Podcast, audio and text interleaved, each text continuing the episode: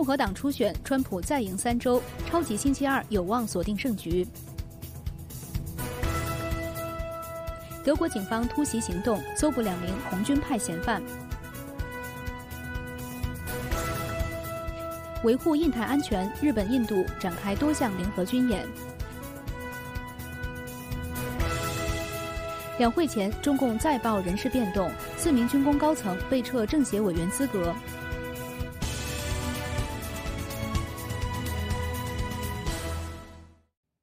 大家好，欢迎收看全球新闻。美国前总统川普本周末横扫三周的共和党初选，续写不败纪录。川普的高级顾问告诉新唐人，下周的超级星期二将会是川普斩获提名的关键。来看记者从维尼吉亚州川普集会上发回的报道。好了，主播，美国前总统川普在周六在密歇根州、密苏里州还有爱达荷州轻松打败尼基·黑利，在一天之内获得三连胜。川普在维吉尼亚州的集会上表示：“We won almost, I guess, close to 90% of the vote. What's going on here? This is getting to be crazy. We will win big on Super Tuesday, and this November, Virginia is going to tell.” Crooked Joe Biden, you're fired. You're fired. Get out of here. 川普总统的高级顾问米勒则在集会上告诉新唐人说，在三月五号，也就是十六个州要举行初选的日子，川普预计会大获全胜，一举拿下共和党的正式提名。I think this will really be a delegate avalanche on behalf of President Trump. This is when we'll see President Trump build an advantage of hundreds and hundreds of delegates, put him right on the cusp of capturing the Republican nomination. 川普在集会上还强调，一旦他胜选，将会大量的遣返美国的非法移民。We have no choice. This is not sustainable by any country.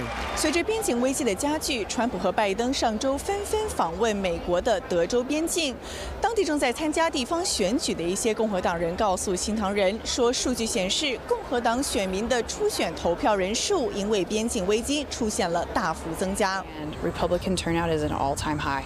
Wow. An all time high. What changed this year? People are upset, people are frustrated, and it's not just the border crisis. The economy is hurting us too. Compared to 2020, uh, we're seeing a 62% decrease in, in the Democrat turnout, and we're actually seeing a 40% increase in the Republican turnout. 纽约时报则在周末公布最新民调，显示如果是今天举行大选，拜登总统将落后川普五个百分点。拜登在此前曾经回应过，在民调中落后川普，说媒体们看到的是错误的民调。新唐人电视台记者陶明，美国维吉尼亚州李士满报道。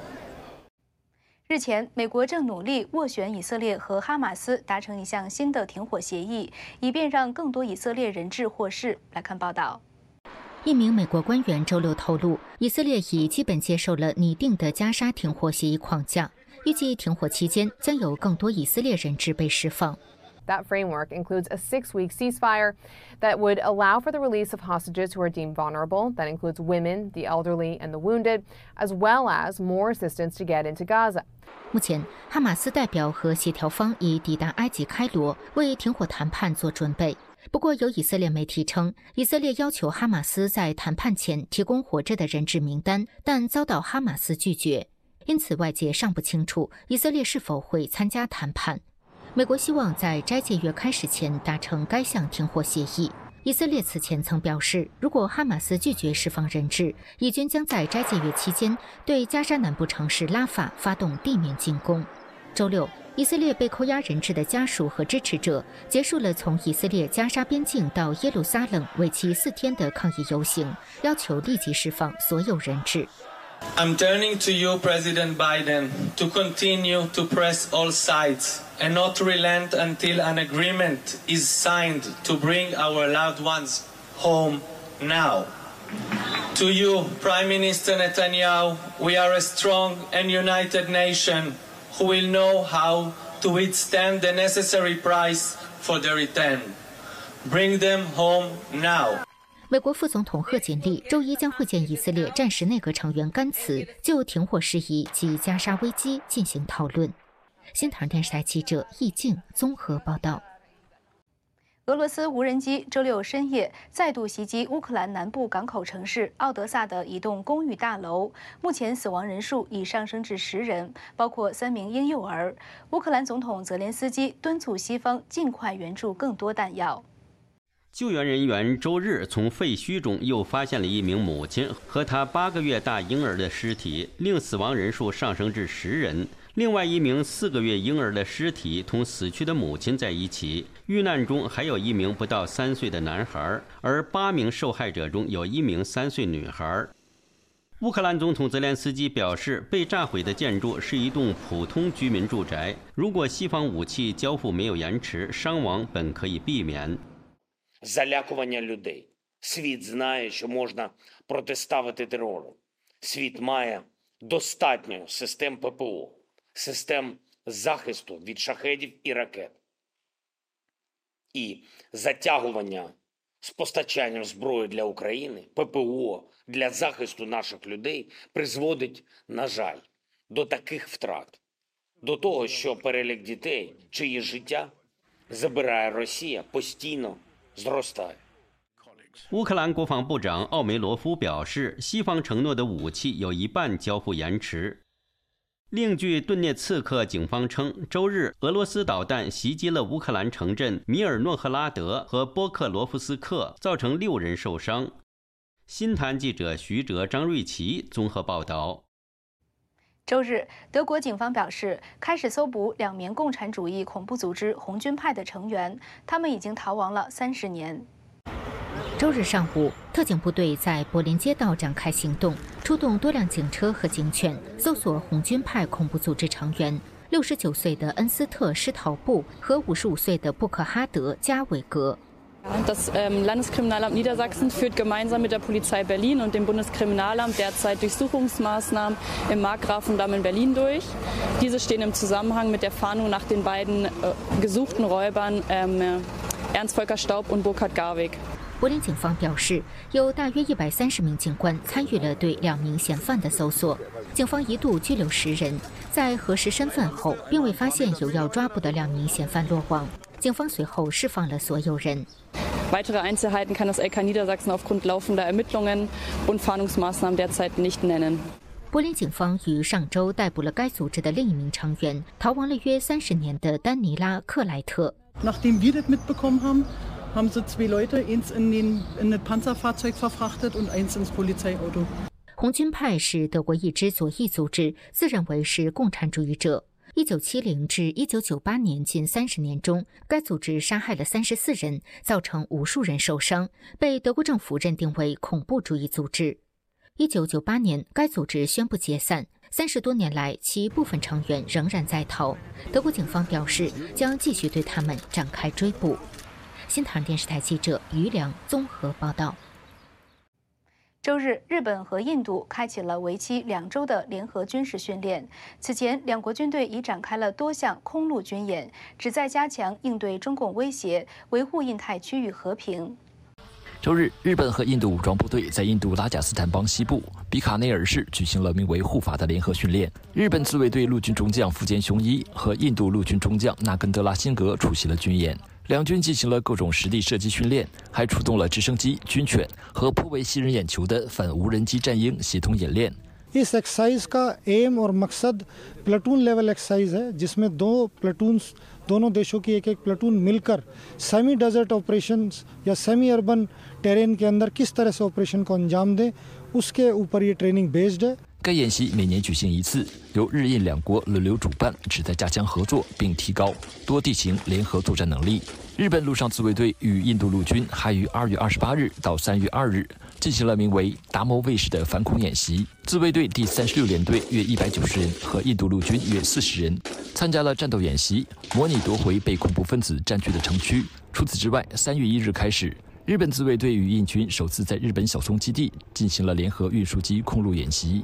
随着中共对地区安全的威胁加剧，日印两国官员表示将继续深化军事合作，维护印太地区和平。新唐人电视台记者于良综合报道。三月二日晚，神韵北美艺术团在拉斯维加斯的精彩演出，让主流观众赞叹不已，并直言神韵是获得神的启发，才能年年推出创意十足的全新演出。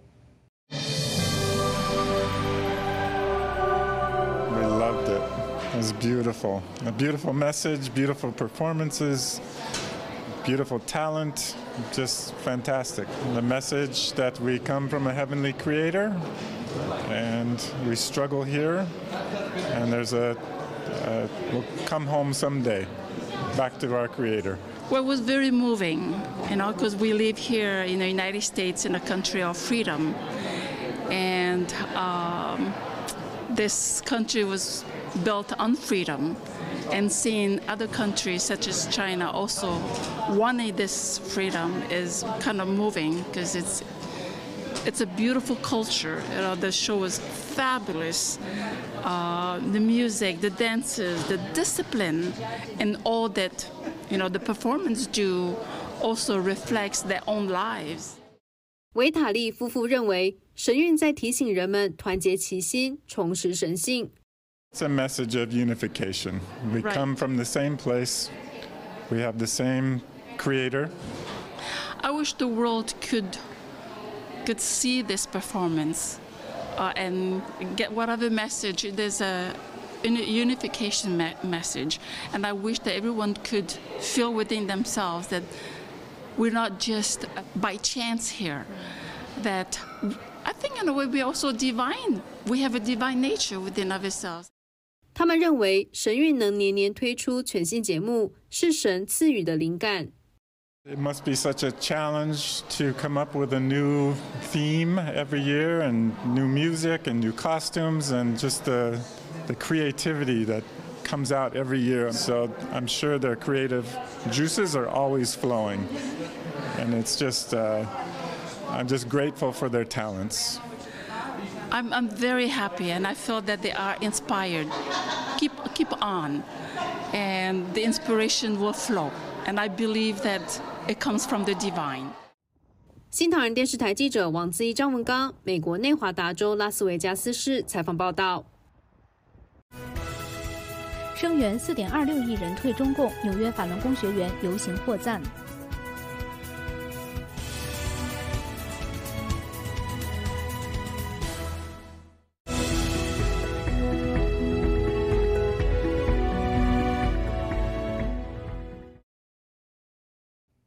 周日，纽约法轮功学员在布鲁克林华人社区八大道进行了声援4.26亿人退出中共党团队的游行，现场大批民众驻足观看，并表达了支持法轮功。来看记者的报道。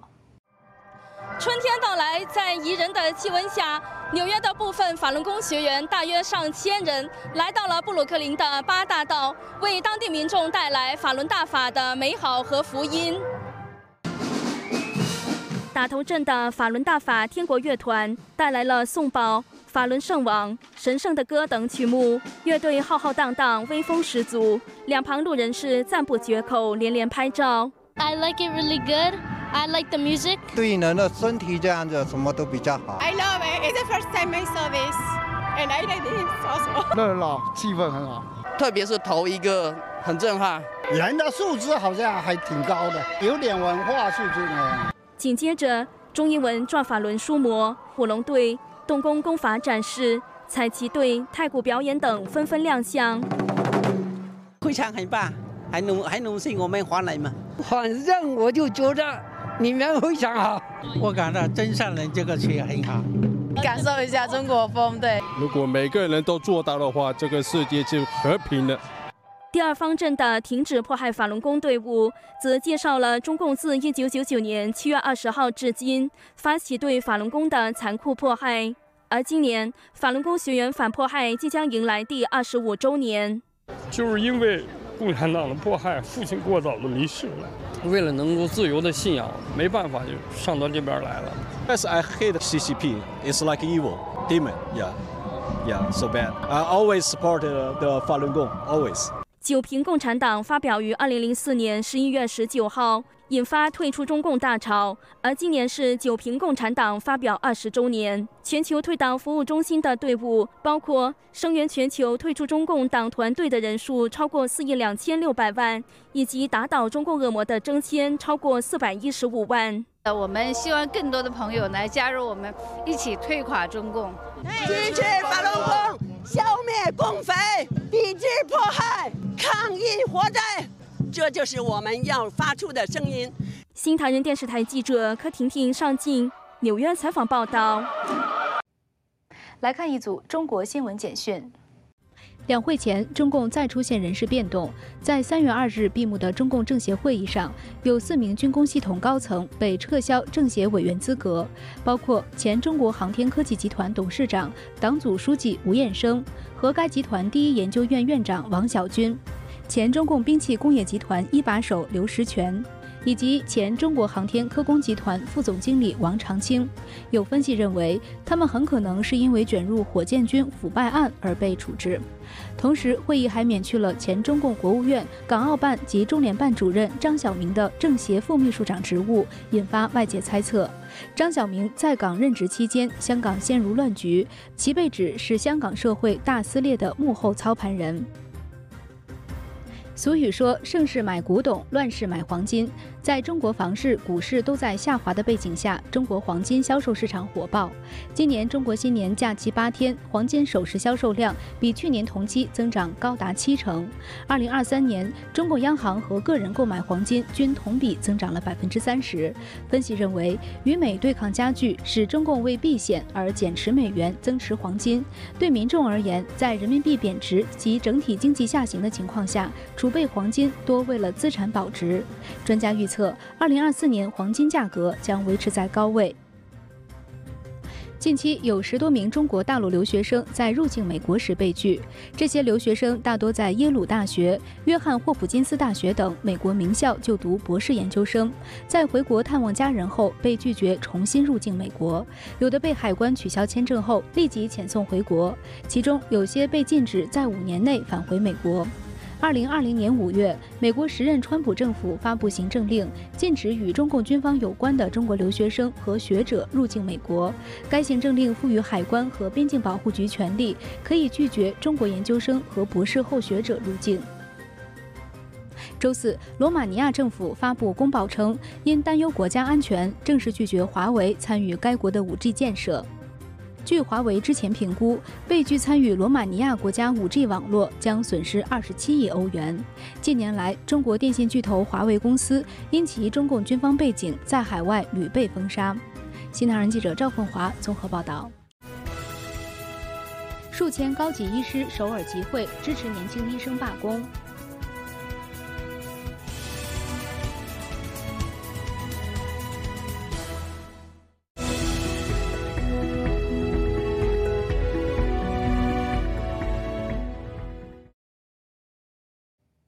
自二月二十日起，韩国近九千名医学实习生和住院医师举行罢工，抗议政府的医学院扩招计划。周日，数千名高级医师在首尔集会，支持年轻医生的罢工行动。手举标语，高喊口号，韩国医生针对医学院扩招计划的抗议活动进入到第十二天。标语牌上写着：“毫无准备的配额增加，导致医疗系统崩溃。”单边政策制定威胁人民健康。저희가요구하고있는바는원점재논의입니다 왜냐하면은정부는의료계와据韩国卫生部称，截至周四晚上，一万三千名医疗实习生和住院医师中，有八千九百四十五人已经离开工作岗位。政府官员先前警告说，如果罢工人员在二月二十九号之前不返回医院工作，将面临起诉。 并被吊销执照至少三个月。虽然罢工的医生只是韩国十四万名医生的一小部分，但这部分医生约占大医院医生总数的百分之三十到四十。他们协助高级医生进行手术和治疗。罢工已经导致数百个手术和治疗被取消或推迟。高级医师举行了一系列集会支持年轻医生，但并没有加入罢工。专家表示，如果高级医师也加入罢工，将对韩国的医疗服务造成重大打击。此次罢工争论的核心是，政府计划从明年开始增加两千名医学院的招生名额，以应对韩国人口快速老化的问题。但许多医生强烈抗议该计划，称政府应优先解决薪资和工作环境问题。也有批评人士表示，罢工医生只是担心由于医生数量增加而导致收入减少。新唐人电视台记者李清怡综合报道。巴基斯坦新一届国会周日选出总理，曾任总理的夏巴兹·谢里夫再度当选。他表示将致力于修复与美国的关系。周日的选举投票由新任国民议会议长萨迪克主持，谢里夫获得二百零一名议员投票支持。谢里夫的主要竞争对手正义运动党支持的奥马尔·阿尤布汗得到九十二名议员的投票支持。谢里夫当选新一届政府总理。当选总理后，谢里夫在国民议会发表讲话，表示将与美国修好。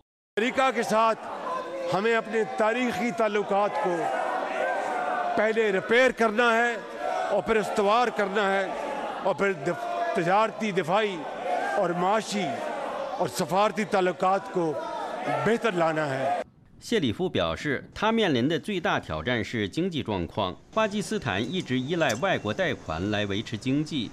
他的政府也面临多重问题，包括如何应对武装分子袭击激增、与邻国塔利班控制的阿富汗的关系，以及如何修复摇摇欲坠的基础设施等。巴基斯坦是中共“一带一路”项目重要的合作国家之一，但现在不仅大型计划陷入停滞，还有天价的债务要偿还。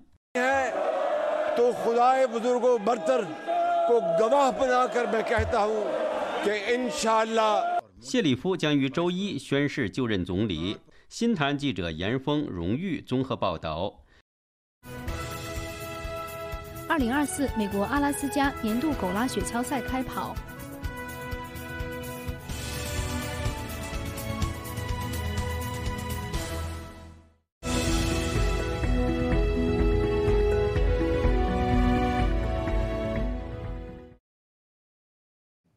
六，美国阿拉斯加州年度狗拉雪橇比赛在安克雷奇市举行了开幕式，参赛选手以蓄势待发。一起来看看。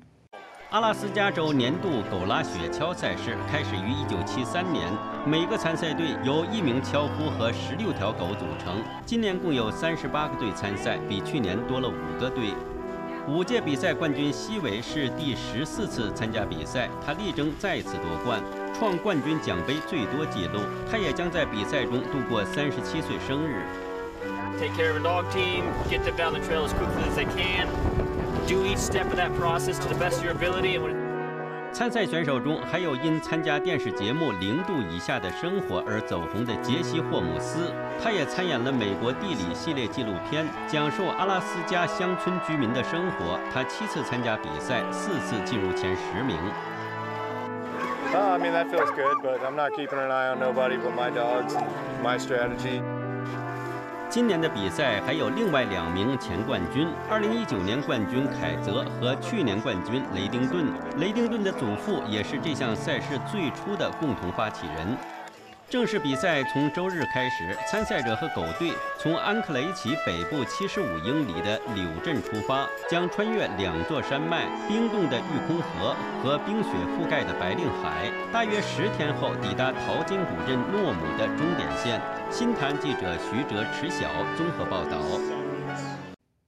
感谢您收看这次的新唐人全球新闻，我们下次节目时间再见。